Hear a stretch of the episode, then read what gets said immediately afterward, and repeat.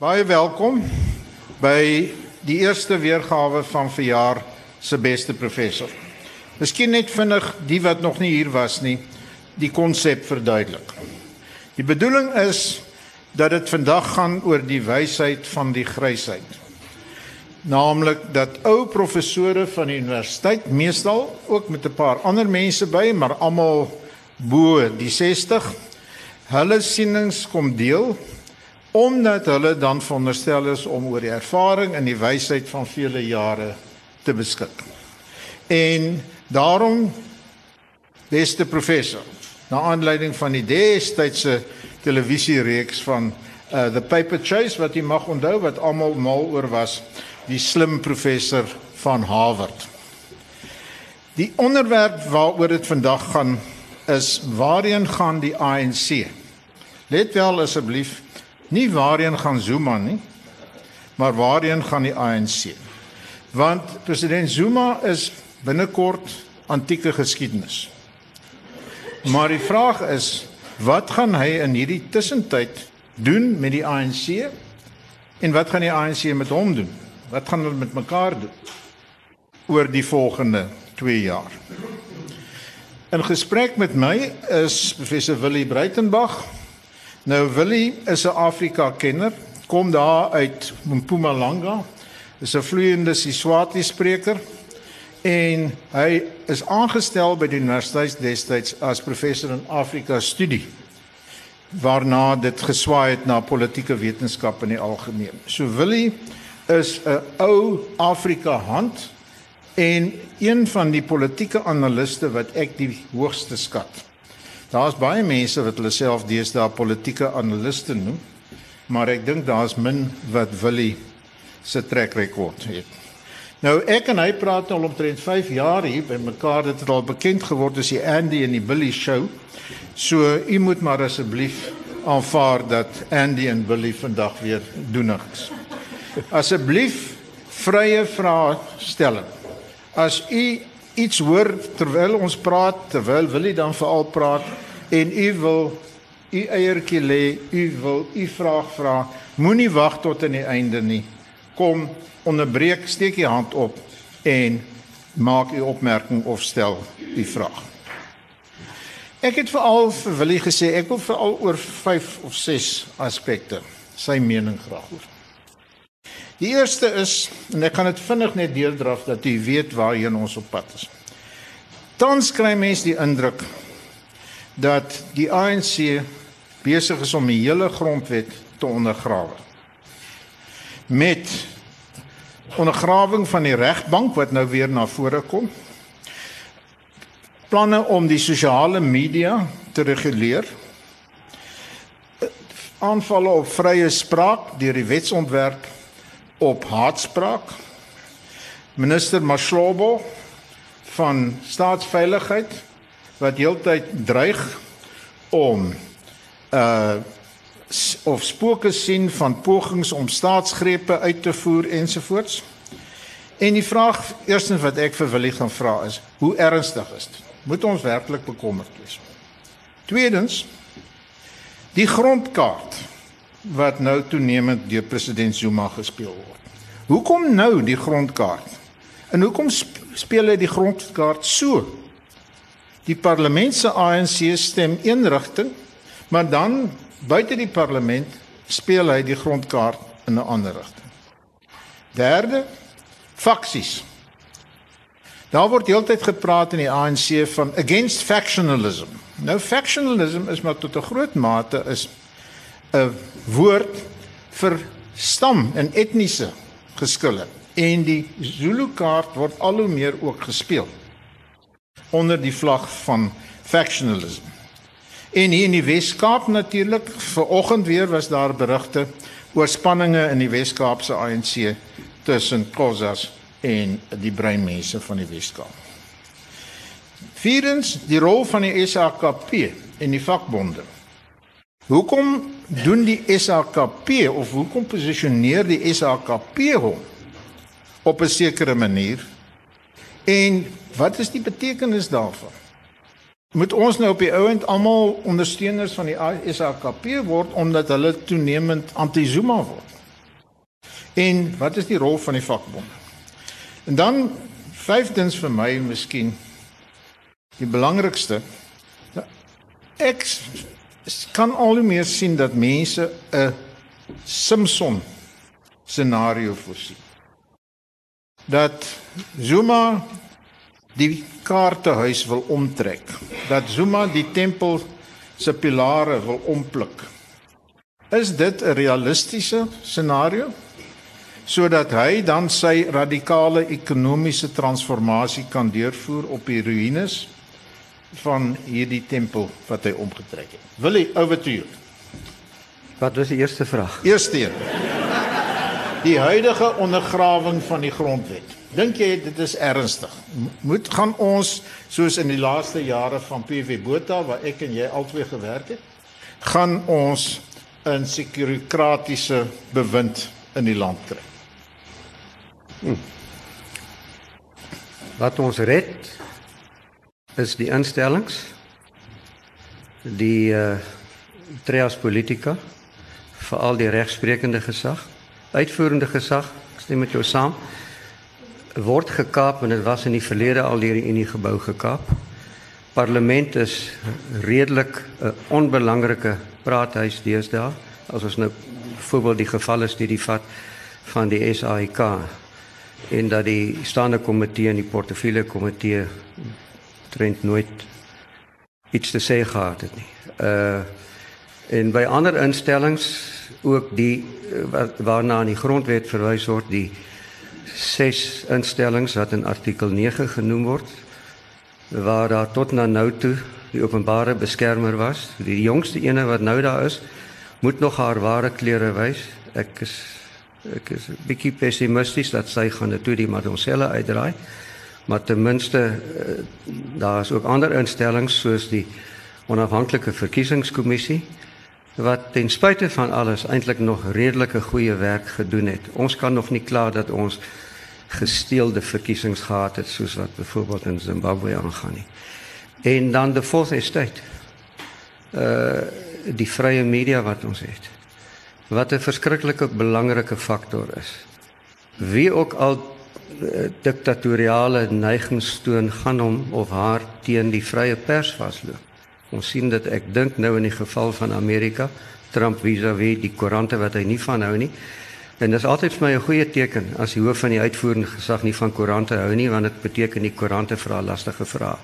Daarom is dit 'n baie goeie ding. Dis uh dit mag die ideaal wees van iemand so Zuma om dit te doen autoritaire neigings instellings af te water en dis meer maar uh, hy is 'n verbygaande figuur uh ek dink hy gaan die last rural man wees dan mag 'n rural woman in sy plek kom en dit is in Kossazana Dlamini Zuma Maar ook vir haar is dit nag wat dit betref want die toekoms is stedelik. Ons het gesien met die munisipale verkiesing van Augustus maand waar die 3M duidelik gewen het. Die metros, die Weskaap, Pretoria, Johannesburg, Nelson Mandela Port Elizabeth het almal onder die DA beland. Uh en dan uh die swart middelklas. Die middelklas van spesifiek Soweto wat groot Thabo Mbeki ondersteuners nogal is want hy het hulle gemaak wat hulle is hulle geleenthede gegee in regstellende aksie. Uh Zuma daarenteen dink ek se agenda met regstellende aksie is uitgedien. Dit gaan bly soos dit is vir voorlopig.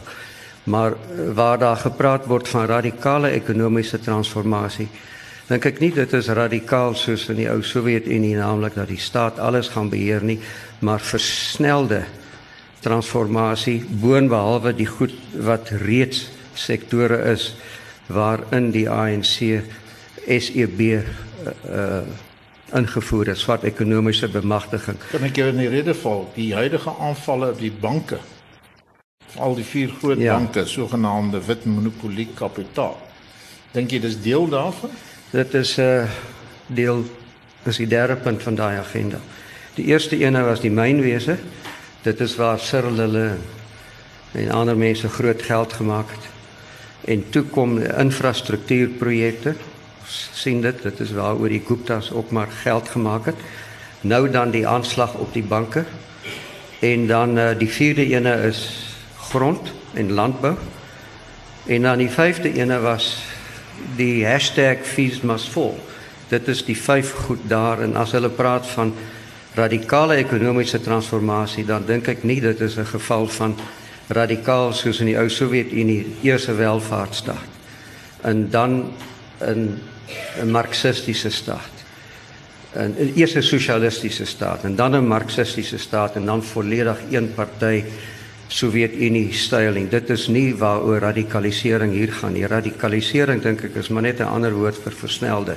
Dit is versnelde swart bemagtiging wat dan nou meer word met betrekking tot die issues waar ons nou is en waarvan die jongste die fees must fall inisiatief is wat interessante baie uh, interessante uiteinde gehad het. Naamlik die perke wat gestel was vir vir arm studente wat wou voldoen aan die NSFAS vereistes was dat die ouerhuis met 'n gesamentlike inkomste hê van 122 000 rand. Dit is nou opgeskuif na 600 000 rand. Omtrent helfte van u sal ook kwalifiseer dis was. Wat ja, maar my punt is dit. 600 000 is op die vlak van direkteur en adjunkdirekteur in die staatsdiens waar ek en jy gewerk het. Hulle het ons nie dit toe betaal nie, maar dit is wat nou die salaris is en dit is middelklas. En dit beteken dood eenvoudig vir die middelklas is daar ook nou verdere swart middelklas as hulle wat daarvan van gebruik maak en hulle verdien genoeg in die staatsdiens deur swart ekonomiese bemagtiging en deur regstellende aksie dat die middelklasse kinders gaan ook nou die voordeel van van gratis en verniet onderwys kry. Uh maar dit is alles dan nou deel van hierdie transformasie agenda. Maar baie dankie. So jy voel nie dat die grondwetlike raamwerk as soks uh tans bedreig word. Ek sou sê die instellings is 'n baken van hoop. Die konstitusionele hof is interessant dat die amptelike vertaling van constitutional court is konstitusionele hof nie mm. grondwetlike hof nie. Wat tot dusver 'n baie goeie rekord gehad het en feitelik elke keer het die uit die konstitusionele hof aan die kant van die klaars uitgekom wat oor een of ander aspek wat burgerlike vryhede raak wat dit aangetast is het daar besluite gekom en die groot verrassings is Mogoeng Mogoeng wat uh, ons het ook almal bedenking oor hom gehad want hy was 'n persoon wat volgens die ou formule waarin die president kon veto die regsdienste kommissie lê lys name voor en dan kies die president een Hy het vir Mogeng Mogeng gekies en ek dink Zuma het al sy rieme styf geloop met Mogeng Mogeng. Uh maar omdat ek vir Zuma beskou as die laaste rural man, sy uiteinde as ANC leier gaan waarskynlik in Desember aanbreek. En sy uiteinde as staatspresident, president van die land gaan waarskynlik aanbreek op wanneer die volgende algemene verkiesing plaasvind, sê maar op die 27ste April 2019 dan is sy twee grondwetlike termyne uit. Teen daai tyd sal ons weet wie is die ANC president, wie is die staatspresident. Ons kan miskien nou net daaroor praat die verskillende kandidaate. Uh en dit is waar faksiegevegte inkom. Ek hoor dit ook op jou hmm. agenda is. Uh so ek is nie heeltemal te neergedruk oor die vooruitsig dat die instellings in sodanig of so mate gekaap gaan word dat daar van hulle niks oorbly nie uh daar is nou nog skop in die grondwet en ek dink dit sal vir 'n voorsienbare tyd. Ekskuus dokter Hannes Loots. Wil jy ken vir Hannes? Ja, die grootste blaps of uh, nalating of wat jy dit ook al wil noem, is Marie Nkandla verslag, die een van Tudi Madonsela wat 'n uh, tydskaal uitgespel het Eh, wanneer dit en dat moet gebeur dat 'n regterlike kommissie moet aangestel word en dit moes al lank voor Kersfees gewees het en ons is nou al by die Paasnaweek amper en dit gebeur nog al die tyd nie. So Zuma speel vir tyd. Uh dit is jammer dat dit so is. Ek is hierdie chicken chicken speelery met die Sassa affære. Nie nog 'n voorbeeld nie, wil jy? Ja, sekerlik nog 'n voorbeeld. Die groot jammerte van Sassa is dat dit nou plaasvind en nie oor 2 jaar nie. Want as dit die 1 April 2019 plaasgevind het, het die ANC in daardie algemene verkiesing 17 miljoen stemme verloor. Uh wat om nie is nie naaste by by 50% sloot uitkom nie. Een van die eienaardighede van politiek is dat politieke geheue so kort is. As Zuma in die loop van hierdie jaar as ANC leier vervang gaan word. In 2 jaar se tyd, sê nou maar iemand wat 'n beter aanslag het met sy voetwerk en en beleid sê nou maar dit is Cyril Ramaphosa. Ek is nie seker dat hy die aange, dat hy uitgemaakte leier is nie maar uh as jy eh, die platteland aftrek en die toekoms is stedelik dan het Cyril 'n baie beter kans in terme van die demografie van die saak Maar die Sassa, lees jy ook die Sassa affære soos die media lyk like my dit nou al hoe meer lees? dat dit is om een of ander rede wil die minister Lamini hierdie kontrakteurs uh, en een hê en sy speel letterlik chicken en wat van die siening dat dit nog 'n manier is om by Pravin Gordhan uit te kom ja dat die tesorie nou die manne gaan wees of dan finansies die manne gaan wees wat lande moet opsteek en sê tot hier en nie verder Frau van Gordon het tot na gister toe gesê tot hier toe nie verder nie. Hy gaan nie 'n aandeel wees in hierdie affære nie. Dit is 'n ding tussen uh die departement van Batabi Lamini en die presidentskap en uh wie ook al dit gaan hanteer, naamlik die agentskappe. Daar is twee mededingende agentskappe en daar's groot geld. Daar's groot kommissie by betrokke. En ek dink hierdie kan dalk as ons danksy die pers gaan ons die volledige storie binnekort weet. Hier 'n groot klomp sous soustrein reeds uitgeloop en dit is waaroor dit gaan. Daar's groot bedrae geld. Uh hierdie jaar se geld is 'n uh, 108 miljard vir die 17 miljoen mense. Deel 17 miljoen en 108 miljard in en jy kom by per beneficiary hoofsaaklik is dit die kindertoelaag mm. en die ou mens toelaag wat uitkom op so ongeveer 7500 rand per beneficiary per jaar deel dit deur 12 om dit by maandeliks te kom dan kom dit uit op so net so onder die 700 mm. rand 'n maand wat die gemiddeld is van twee kindertoelaas want 'n kindertoelaas nou opgeskryf na 360 rand toe. So 2 maal 360 rand is trend wat hulle uitkry. Dit klink vir ons asof dit astronomies is. Dit is astronomies want daar is 17 miljoen mense. En uh maar daardie agentskappe vat hulle kommissie, hulle vat hulle pond vleis. En hierdie is die volgende en kandla tipe skandaal wat dan ondersoek sal moet word deur die nuwe openbare beskermer en die vraag is of sy dit gaan doen op 'n eerlike manier. Ek sal net as regsgeleerde sê ek sal nogal graag sien wat die grondwetlike hof gaan sê wanneer hierdie saak nou voor hom kom. Want uh uh hulle gesag word tot 'n groot mate uitgedaag deur hierdie chicken speletjie en hulle gaan dit nie sommer net uh so aanvaar nie. So ek wil nie voorspel nie, maar ek dink dit gaan nog al baie interessant wees. Ja, dit gaan. Want dit is die pad wat moet geloop word van nou af. Ek dink Pravin Gordhan het die korrekte besluit geneem en sê ek gaan nie my hande aan hierdie tamaties vuil maak nie. Julle hanteer dit. Uh en uh as dit dan nou tot die puntjie vir paaltjie kom dat dit nou 'n groot palaver gaan wees, dalk gaan dit nog uitbetaal word, ons weet nie, maar daar's soveel onsekerheid dat uh hierdie ding gaan ondersoek word Die media doen dit reeds. Openbare beskermer behoort dit te doen. Soos ek nou nou gesê het, ons sal moet sien of dit gedoen sal word. Dan net die grondkaart, die grondkwessie. Een moontlike siening wat ek nogal ondink is dat Zuma die grondkaart nou speel en op so 'n manier om by Cyril Ramaphosa uit te kom. Cyril Ramaphosa is grootendeels die man van die stedelinge. En As hy nou die grondkaart speel, dan is dit die kaart ter gunste van die landelike mense. En juis tot 'n groot mate teen die stedelike. Ja. Dink jy dis 'n moontlike uitleg oor hoekom hy dit so doen want hy het nie in die parlement vir sy kokes gesê man, ons stem saam met die EFF nie vir hierdie mosie wat daar nou was nie.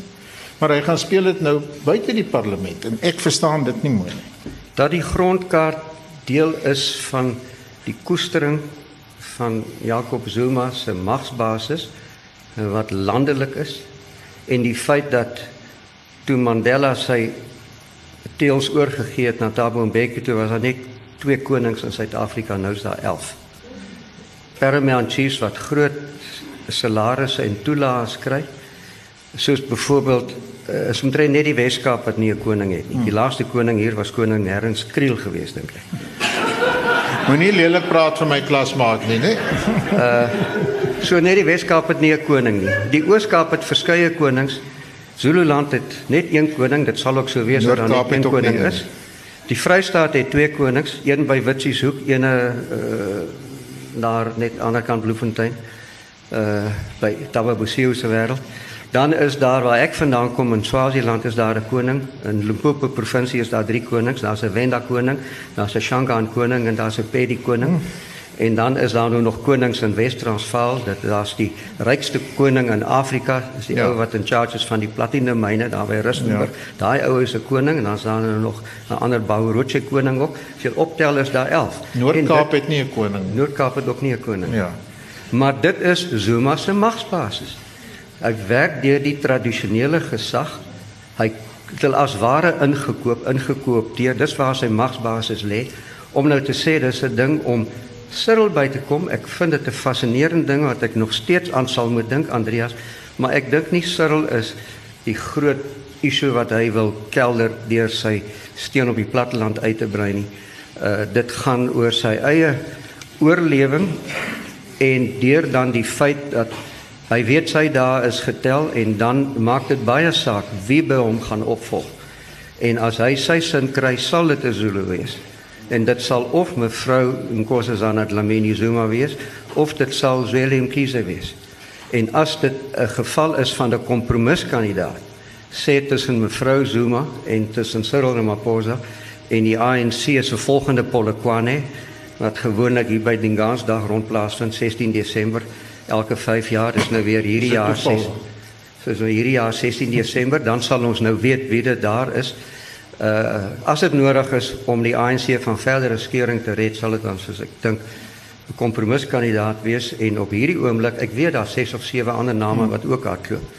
Ook die spreker van die parlement, maar ek sou dink uh ek sou dink uh, Willem Kiese is die aangewese persoon. Dood eenvoudig, hy's waarskynlik naas Zuma self die tweede invloedrykste politikus in Suid-Afrika. Hy het nie 'n uitvoerende hmm. posisie nie. Hy's nie 'n adjunkminister nie, maar hy is die hy's die tesourier-generaal van die ANC sit in Lutuli huis. Hy ken almal se geheime van Chandler House af reg deur met hierdie steenkoolkontrakte met Modupi en Kusile. As hy die vletjie blaas, stort die kaarte huis en hy en dis waar die Simpson scenario inkom. Hmm. En uh Simpson gaan eers inspel as uh, Willem Kiese ook nou nie meer weet wat om te doen nie. Maar hy mag vir ander mense na 'n skoon kandidaat lyk en dan gaan politiek vergewe mos maar en dan mag hy die kandidaat wees wat dan in die ANC in die 2019 verkiesings ingaan. Uh my naam is nie ou Klaas Waarsegger nie, nog minder as ek Nostradamus, maar ek is feitelik seker die ANC gaan nie gaan definitief heelwat onder die 50% inkom wat een ding beteken vanaf oor 2 jaar van nou af gaan ons van Zuma praat in die past tense. Dan praat ons van koalisies. En uh, dit is 'n uh, opwindende tydpak wat voor lê, maar dit kan ook katastrofies wees. Vat nou maar Lesotho. Ja. Hulle het nou koalisies begin bedink en dan is Tom Dick en Harry almal lede van dieselfde koalisie en as klein Tom of klein Dick of klein Harry net sy stertjies swaai dan stort die hele ou spulletjie in duie presies wat in Italië gebeur het na die oorlog. Te veel partye is nodig om 'n regerende koalisie op te maak. 'n Regerende koalisie is doeteenvoudig net daai klomp ouens wat bymekaar kom wat 50% plus 1 is. En as sien koalisies kan in Europa byvoorbeeld werk op twee maniere. Een is nogal positief, naamlik dat hulle op 'n gemeenskaplike platform program ja. ooreenkom, né? En dis wat die Duitsers nogal doen. Hmm. Of dit kan werk op die manier van uh, wat kry ons elkeen daaruit? En hoe verdeel ons ja. die buit? Ja. En ek dink in Afrika sal waarskynlik 'n buit verdeel. Dis presies wat in Lesotho gaan. Want dit gaan daaroor Lesotho as 'n arm land Hulle het 'n kabinet vir 1.2 miljoen mense, 64 kabinetslede. Because why? Dit is die enigste plek wat 'n behoorlike salaris betaal is om in die kabinet te wees. En dit is hoekom die huidige premier nie die begroting deurgevoer kan kry nie. Nie die begroting deurgevoer kan kry nie want almal wil 'n stuk van die paai hê en dan en dan as die kleiner partytjies in die in die regerende koalisie nie hulle sin kry, dis nou wat laasweek gebeur het. Dan loop van die kleiner partytjies uit Hulle skaar hulle self by die oppositie.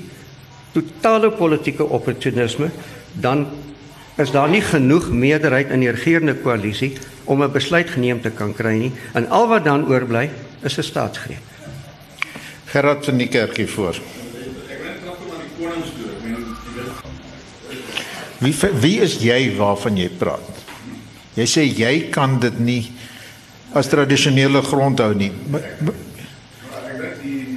ek net weet ek dink dinge so maar wil dit juis hy wil sy kapteins versterk sy konings versterk. Ja uh, ja daar het nou als in 70 duisend gevalle het daar wel grondhervorming plaasgevind maar nog geen kaartentransport nie. Niks. Geen kaartentransport nie En Zuma se idee, en dis nou waar hy insirkel gaan hmm. word. Ek glo in landbou is dit so mededingend. Nou op 'n klein skaal is word jy maar plotty. Jy het nie 'n hmm. kat se kans nie. En die Zuma model is klein plasies. Dis hoekom die minister van landbou en Guguli en Quinte van grondsake praat van die ideaal van klein plasies.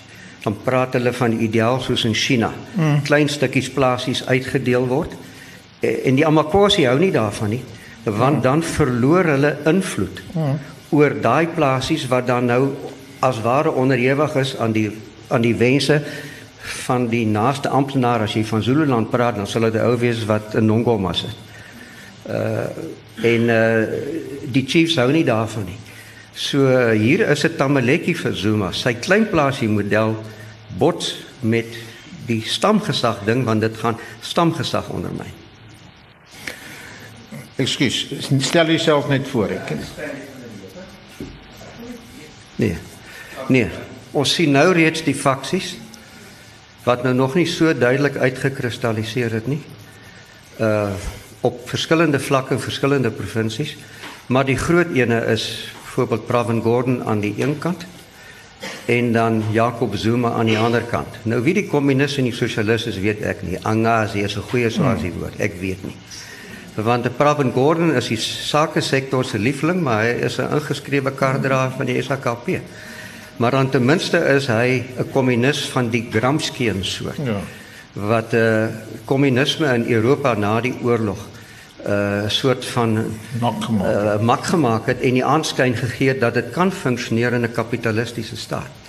Uh en ek ek, ek dink dit is min of meer waar ons as ons dan vir Pravin Gordhan aan 'n hak wil ophang, dan sou ek hom nie aan Lennon se hak ophang nie, ek sal hom aan Gramsci se hak ophang, omdat hy dan nou 'n gematigde ou is wat nie vreeslike probleme het met uh, byvoorbeeld eiendomsreg en so die die die begroting ek het hmm. is nou laasweek se twee weke gelede se begroting radikale ekonomiese transformasie was in ons almal se se koerante vir die dag, die Afrikaanse en die Engelse koerante.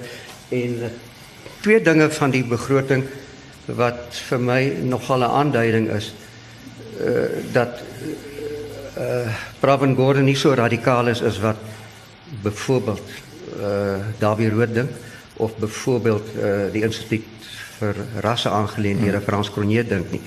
Is as hy regtig met 'n radikale begroting gekom het, dan sou hy die maatskappybelasting wat op 28% lê kon verhoog na 51% toe. Dan is die staat die hoof voordeeltrekker uit die maatskappysektor. Dit het onveranderd gebly. En die ander ding is die kwessie van die here reg tot en met 'n uh, aankope van eiendom uh op 900 000 rand per eiendom is here regte vrygestel. Dit is pro middelklas dit is pro eiendomsbesit uh wat wel opgegaan het is natuurlik die rykmensbelasting die uh, 45% belasting op ouens wat bo kan 1.5 miljoen verdien of belasbare belasting. Uh, uh kapitaalwins het nie opgegaan nie, dit het dieselfde ja. gebly. Dividendbelasting het nou wel opgegaan met 5%. Uh maar dit wat uh byvoorbeeld Dawie Rood uh die meeste ontstel is dat staatsskuld nou gaan styg na 51 52% uh van die bruto nasionale produk. Dit is hoog. Maar ek maak nou die voorspelling hier as Trump al sy planne uitvoer dat hy uh uh maatskappybelasting wil afbring in Amerika van 35 na 15 en massiewe staatsspandering op ander dinge aangaan sal Amerika ons ver verbygaan op die uh, op die skuld vis-à-vis -vis bruto nasionale produk. Kan ons net gou gou jy die naam ons het die naam Pravin Gordhan genoem. Verduidelik vir my die fenomeen Pravin Gordhan. Ek praat nie van sy oortuigings nie, maar het hy nou werklik, ekskuus dames, die vir Zuma by die short and curly? Nee, ek dink dit is 'n skaakmat. Ja, maar wat wat hou Zuma terug daarvan om van Pravin Gordhan ontslae te raak? Is Zuma werklik bang vir die markte, vir die ratings agencies, vir die wat want aan die een kant praat hy van radikale ja, transformasie. Hy dreig om sonder vergoeding te onteien wat die hele ja. mat sal uittrek. Die geheim lê wie is van Pravin Gordhan se kant? Nie die ANC se jeugliga nie nie die ANC se vroue liga nie ook nie 3 kwart van die NUK ek ken nie die name van die NUK nie my vriend Theo Venter van die Pik sê daar's omtrent 80 en hy sê 75% van daai 80 is almal voordeeltrekkers uit regstellende aksie en dit swart ekonomiese bemagtiging sedert Polokwane so hulle is al hulle dank aan Zuma verskuldig dit is waar sy steen lê vraag is net dit is nou Zuma se steen vraag is dan net wie in hierdie geleedere is aan Bravenborden se kant. En dit is versekerlik Kossatu. Kossatu is aan sy kant en so ook die SAKP. Kossatu sien dat ons gaan minder werkgeleenthede kan skep en hulle wil werkgeleenthede hê as ons gedowngrade word. S&P, Moody's en Fitch en so aan. En uh, dis hoekom hulle wil voortgesette groei hê. Miskien nie van die kapitalistiese soort nie, maar ek dink dit verklaar hoekom hulle bereid was om te preek en om te staan by Kusatu terwyl ons nou praat van die ANC se magsbasisse. Kusatu is nie die skade weer wat dit was in die mm, ou tyd nie. Mm, ja. Naamlik uh toe die Amku bootjies by Marikana weggebreek het, was dit 'n groot klap in die gesig van Noem. Toe breek Zelensima Wabi weg Noemsa sit in Port Elizabeth en dit is elke keer skeurings weg van die ANC af. Wat interessant is, die ANC het al voorheen skeurings gehad. Dit was skeurings na regs. Tuka het in Kata was ook deel van die ANC hmm. het weggebreek as 'n Zulu etniese ding na regs weggebreek. Daar omtrent niks van die Kata oorgebly nie. Laaste verkiesing was dit so 1.5-2%. Hmm. En die ander ene na regs was Cope. Cope van ja. uh Mbazima Shilowa en so aan. Uh, van hulle het ook niks oorgebly nie. Dus van die wegbreek na regs het niks oorgebly nie. Maar in die tyd van Zuma het daar twee of drie breuke na links gekom. Marikana was na links, die EFF Julius Malema is na links. Dus as die ANC wil verkiesings wen wat sekere van sy ondersteuningsbasisse betref, sal die ANC noodwendig in terme van sy eie ondersteuningsbasis ook na links moet gaan. Hoe ver links? Dit is waar die kuns van die onmoontlike lê. Of hy sal moet werklik radikaal gaan soos in 'n sosialistiese marxistiese model en of dit bly die die terminologie gaan bly en op hierdie stadium glo ek dit is maar 'n fase van terminologie. Byvoorbeeld ek het 'n bietjie gekyk hoeveel afkortings die ANC het elke keer 'n drie letter afkorting vir die ekonomiese beleid waarin hulle staan. Uh toe die ANC in bewind gekom het, was dit die Nasionale Demokratiese Revolusie NDR. Toe kom uh met uh hulle en en in die Mandela tyd die HOP, Reconstruction and Development Program. RDP. Uh HOP, dit is die RDP in hmm. Engels 94. Toe kom Thabo Mbeki, toe kom GEAR, Growth, hmm. Employment and Redistribution En toe kom in 2014 met die laaste verkiesing, dieselfde tyd wat ook die laaste grondvoorstelle van van Guguile en Quinte bekend gemaak is, toe kom die nasionale ontwikkelingsplan wat die NDP is en toe, toe tref dit my soos 'n bom as ek nou so kyk hierna, dan is die mees die letter van die alfabet wat die meeste in almal voorkom 'n R. Die heel eerste ene was die National Democratic Revolution toe is dit die Reconstruction Development Plan, daar's nog 'n R en toe kom GEAR, GEAR se R staan vir redistribution en nou die hierdie ene is die laaste R, radical. En uh, nou wat lees jy daar? Ek wil daarin lees as ons kom by 2019 se verkiesing gaan daar 'n nuwe akroniem wees, 'n nuwe letter en ek weet nie wat dit gaan wees nie want die alfabet raak nou uitgeput. Willie, ons het so terloops bietjie verwys ook net na die Wes-Kaap. Nou, ek weet nie hier in die kringe waar ons beweeg in Stellenbosch en Kaapstad en so het die ANC amper irrelevant geword. Grootendeels omdat die bruin kiesers in Stellenbosch, vele ander plattelandse plekke en tot 'n groot mate ook in die Kaapse vlakte die ANC verlaat het en hulle gewig ingegooi het uh by die DA met voetnote ook want dan is Patricia de Lille kwaad want sy wil eintlik haar onafhanklike demokrate nog daar binne hê ensovoorts ensovoorts.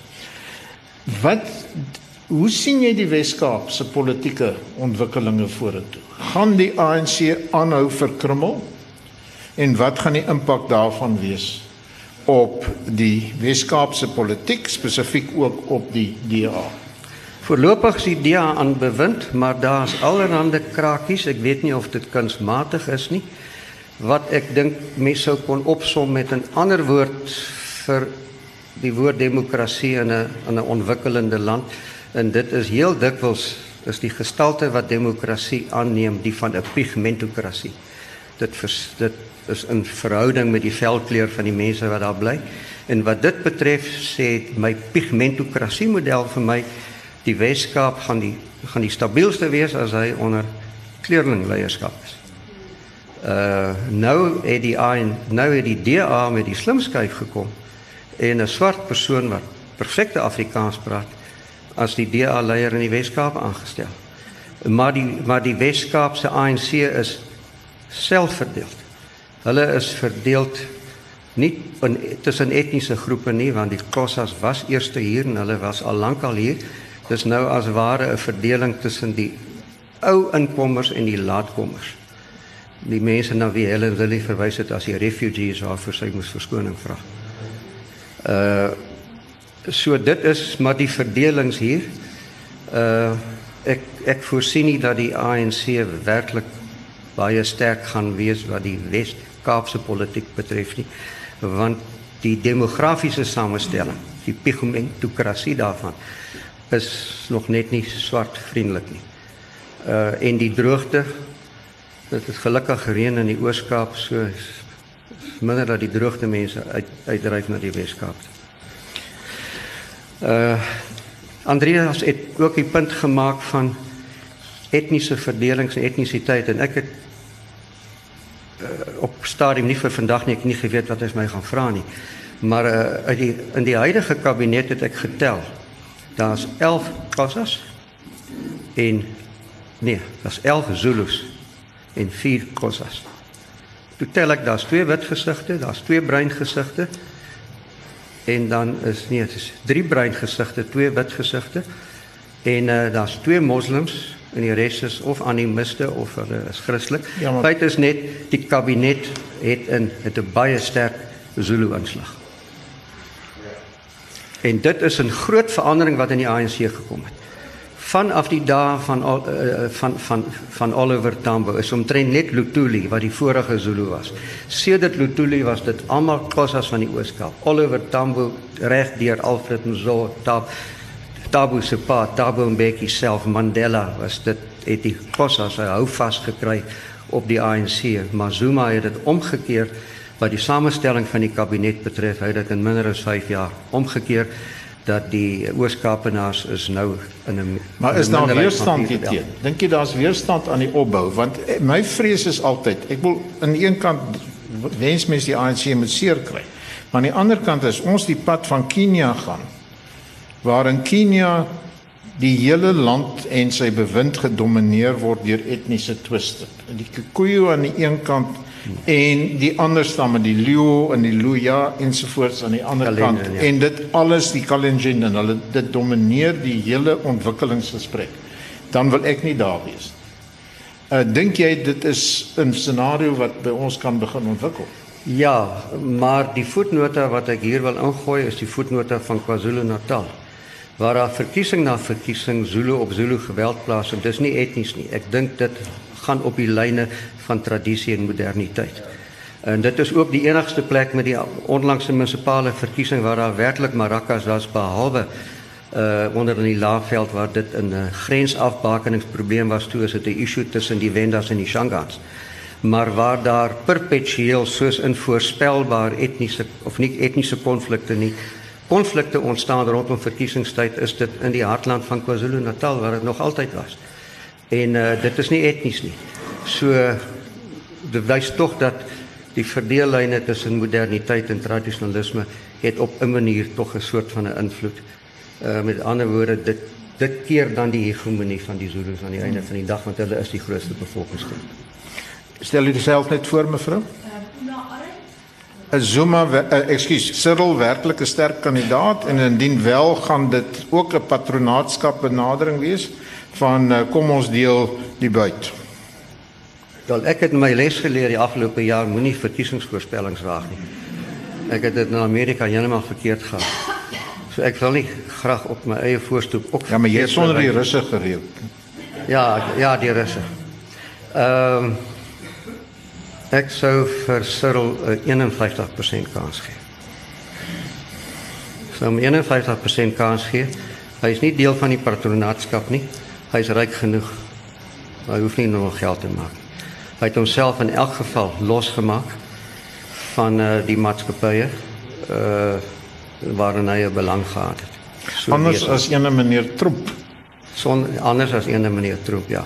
So patronaatskap ek dink dis maar 'n verskynsel van ontwikkelende lande en ek uh, Cyril kom ja. Kyk, ek het nie 'n sagte plek vir vakbonde nie, maar vakbonde is nie skelms nie. Mm. -mm. Hulle is niks om te steel nie. Terwyl ons nou van die uh, potensiële leierskapsfigure vorentoe praat. Die ander een wat my nogal ontstel wil is mevrou Dlamini Zuma. Ek het 'n bietjie met haar te doen gehad destyds as minister van gesondheid. Uh ro- toe dit gegaan het rondom akademiese hospitale ensovoorts. En ek het ek het bang geword vir haar want sy is 'n verskriklike hardkoppige mens wat na geen advies luister nie. Sy sy doen wat sy dink sy wil doen en steur haar nie aan mense wat dink ek kundiger is ensovoorts. Dis miskien ook die rede hoekom sy in Addis Ababa uh, nie 'n sukses was nie. Of dink jy sy was 'n sukses in Addis Nee, Ababa? sy was nie. As jy bietjie kan verduidelik. Nee, sy het 'n uh, buite die reëlmaat van hoe uh, die voorsitterskap van die kommissie in Addis Ababa werk. Die voorsitter van die kommissie is eintlik maar Afrika se eerste minister. Uh dit was die beurt geweest dat 'n Wes-Afrikaan daai posisie moes moes hê. Maar ek dink sy is daar geplaas van uit huis uit sodat sy haar profiel kon ophef en teruggebring word as Zuma die dag moet loop. Ek het 'n gevoel die ding was lankal beplan. Maar dit het nie goed gewerk nie. Is in elk geval nou opgevolg deur iemand uit Wes-Afrika uit. Sy het nie 'n groot sukses gemaak van Afrika se grootste missie en dit is dit is die vredesmagte wat geplaas word in plekke soos Burundi en die Suid-Sudan. Suid-Sudan. Hulle is, hulle is net nie daar nie. Uh die die die die groot nalatenskap wat sy gelaat het is in is 'n plan wat nie sy of ek of een van ons wat in hierdie verhoor sit in hierdie gehoor sit vandag ooit sal weet of dit werk nie. Is haar plan 2063. Dit is oor 37 jaar van nou af waarin dit 'n United States of Africa gaan wees met een hoofstad, die hoofstad is Addis Ababa en en en hierdie Verenigde State van Afrika gaan wees soos die Verenigde State van Amerika. Soos wat Washington die hoofstad van Amerika is, gaan Addis Ababa die hoofstad van Afrika wees. Soos daar deelstate in Amerika is, gaan Suid-Afrika een van die 54 deelstate word en daar gaan totale sagte grense kom. Mense sal oor die grense kan beweeg, gaan gaan bly en werk net waar hulle wil. Ek wil sê, "Sjoe, as ons nou al probleme het met xenofobie en van on sê ek wat sê ons onwelkom nie maar wat die be, die plaaslike bevolking betref is hierdie derduisende immigrante onwelkom en as jy nog Afrika se grense sag maak en die ouens kan nou maar net kom soos hulle wil dit is so geklik dit gaan nie gebeur nie nie eers in 2063 daar's nog so 3 minute oor en die van u wat nog nie u kans gebruik het om uh, u vrae aan uh, professor Breitenberg te stel. Stel jouself net voor. Ja, die vraag is of die Guptas ook gaan tender vir die SASSA kontrakte. Ek dink daarom nie so nie. Ek dink daarom nie so nie. Uh ja, dit is moeilik om te sê wat presies van hulle word. Hulle het belange hier, hulle skep werk hier. Maar die banke weet bepaald iets wat die koerante nie weet nie, wat die koerante het gewonder hoekom het die banke hulle rekenings gevries. Nou kom dit uit dat is daar's ook ander instellings wat hulle rekenings gevries het. En dit gaan dan maar sekerlik oor goed soos geldwasery en dan gunste en dan as ons praat van maatskappybelasting 28%, ek dink hulle kom naby aan 1%. Hulle ontduik waarskynlik belasting ook. Soos wat Dennis Duwys gister gesê het. Dis 'n bietjie van 'n mite om te sê dat maatskappye in Suid-Afrika 28% betaal. Hmm. Hy sê net die banke betaal nasin by dit, hulle kom by 26% uit. Alle ander maatskappye maak van goeie auditeurs en rekenaars gebruik. Daar is 'n groot verskil tussen ontduiking en en minagting van die uh van belastingreëls. En as jy 'n goeie ouditeur kan bekostig, dan doen jy dit en dan uh gaan jy vind dat jou 28% belasting eindig op 4% soos wat Dennis Duwe sê die gemiddeld is. Nog steeds as dit gegaan het daaroor dat ons regtig 'n sosialistiese marxistiese staat wil hê, dan sou dit die eerste ding gewees het wat die ANC en wat Pravin Gordhan sou gedoen het, is om seker te maak dat die wat 28% moet betaal dit wel betaal. En as hulle dit kon doen, sou hulle dit kon opgeskuif het na 51% en dan het jy staatsbeheer en ons is baie ver van daai punt af nog opmerkings, vrae? Uh, meneer van Niekerk vra die geveg intussen tesorie en finansies, naamlik Monjane en uh, Pravin Gordhan. Dit gaan oor geld. En dit gaan oor wie is die wagters op Sion se mure? Naamlik wie wil die fiskus plunder en wie is die hekwagter? En dit gaan daaroor. Dit gaan daaroor dat geld is skaars, daar is besnoeiings en besparings en uh, veral van die projekte wat die wat ek opgenoem het, daar's hele klomp mynwese, infrastruktuur, bankwese, landbougrond. Trouwens, Pravin Gordhan se begroting het 100 uh, miljoen minder vir grondhervorming begroot hierdie jaar as wat dit laas jaar was. En soos ek nou nog gesê het van die 73000 grondhervormings wat plaasgevind het, nie 'n enkele kaart en transport nie dit hang in die lug. So dit dit dit gaan maar oor die wagters op Sion's mure en uh dit dit kan ook dit wees. Dit kan ook dit wees. Vraag tot watter mate word uh, belangrike mense se belastingsaake in die duister gehou deur meneer Monjane en sy kollegas. Kollegas, baie dankie aan u almal. Ek hoop u het iets gehoor wat vir u laat dink het en uh dat u die geleentheid geniet het. Baie dankie Willie vir jou insigte.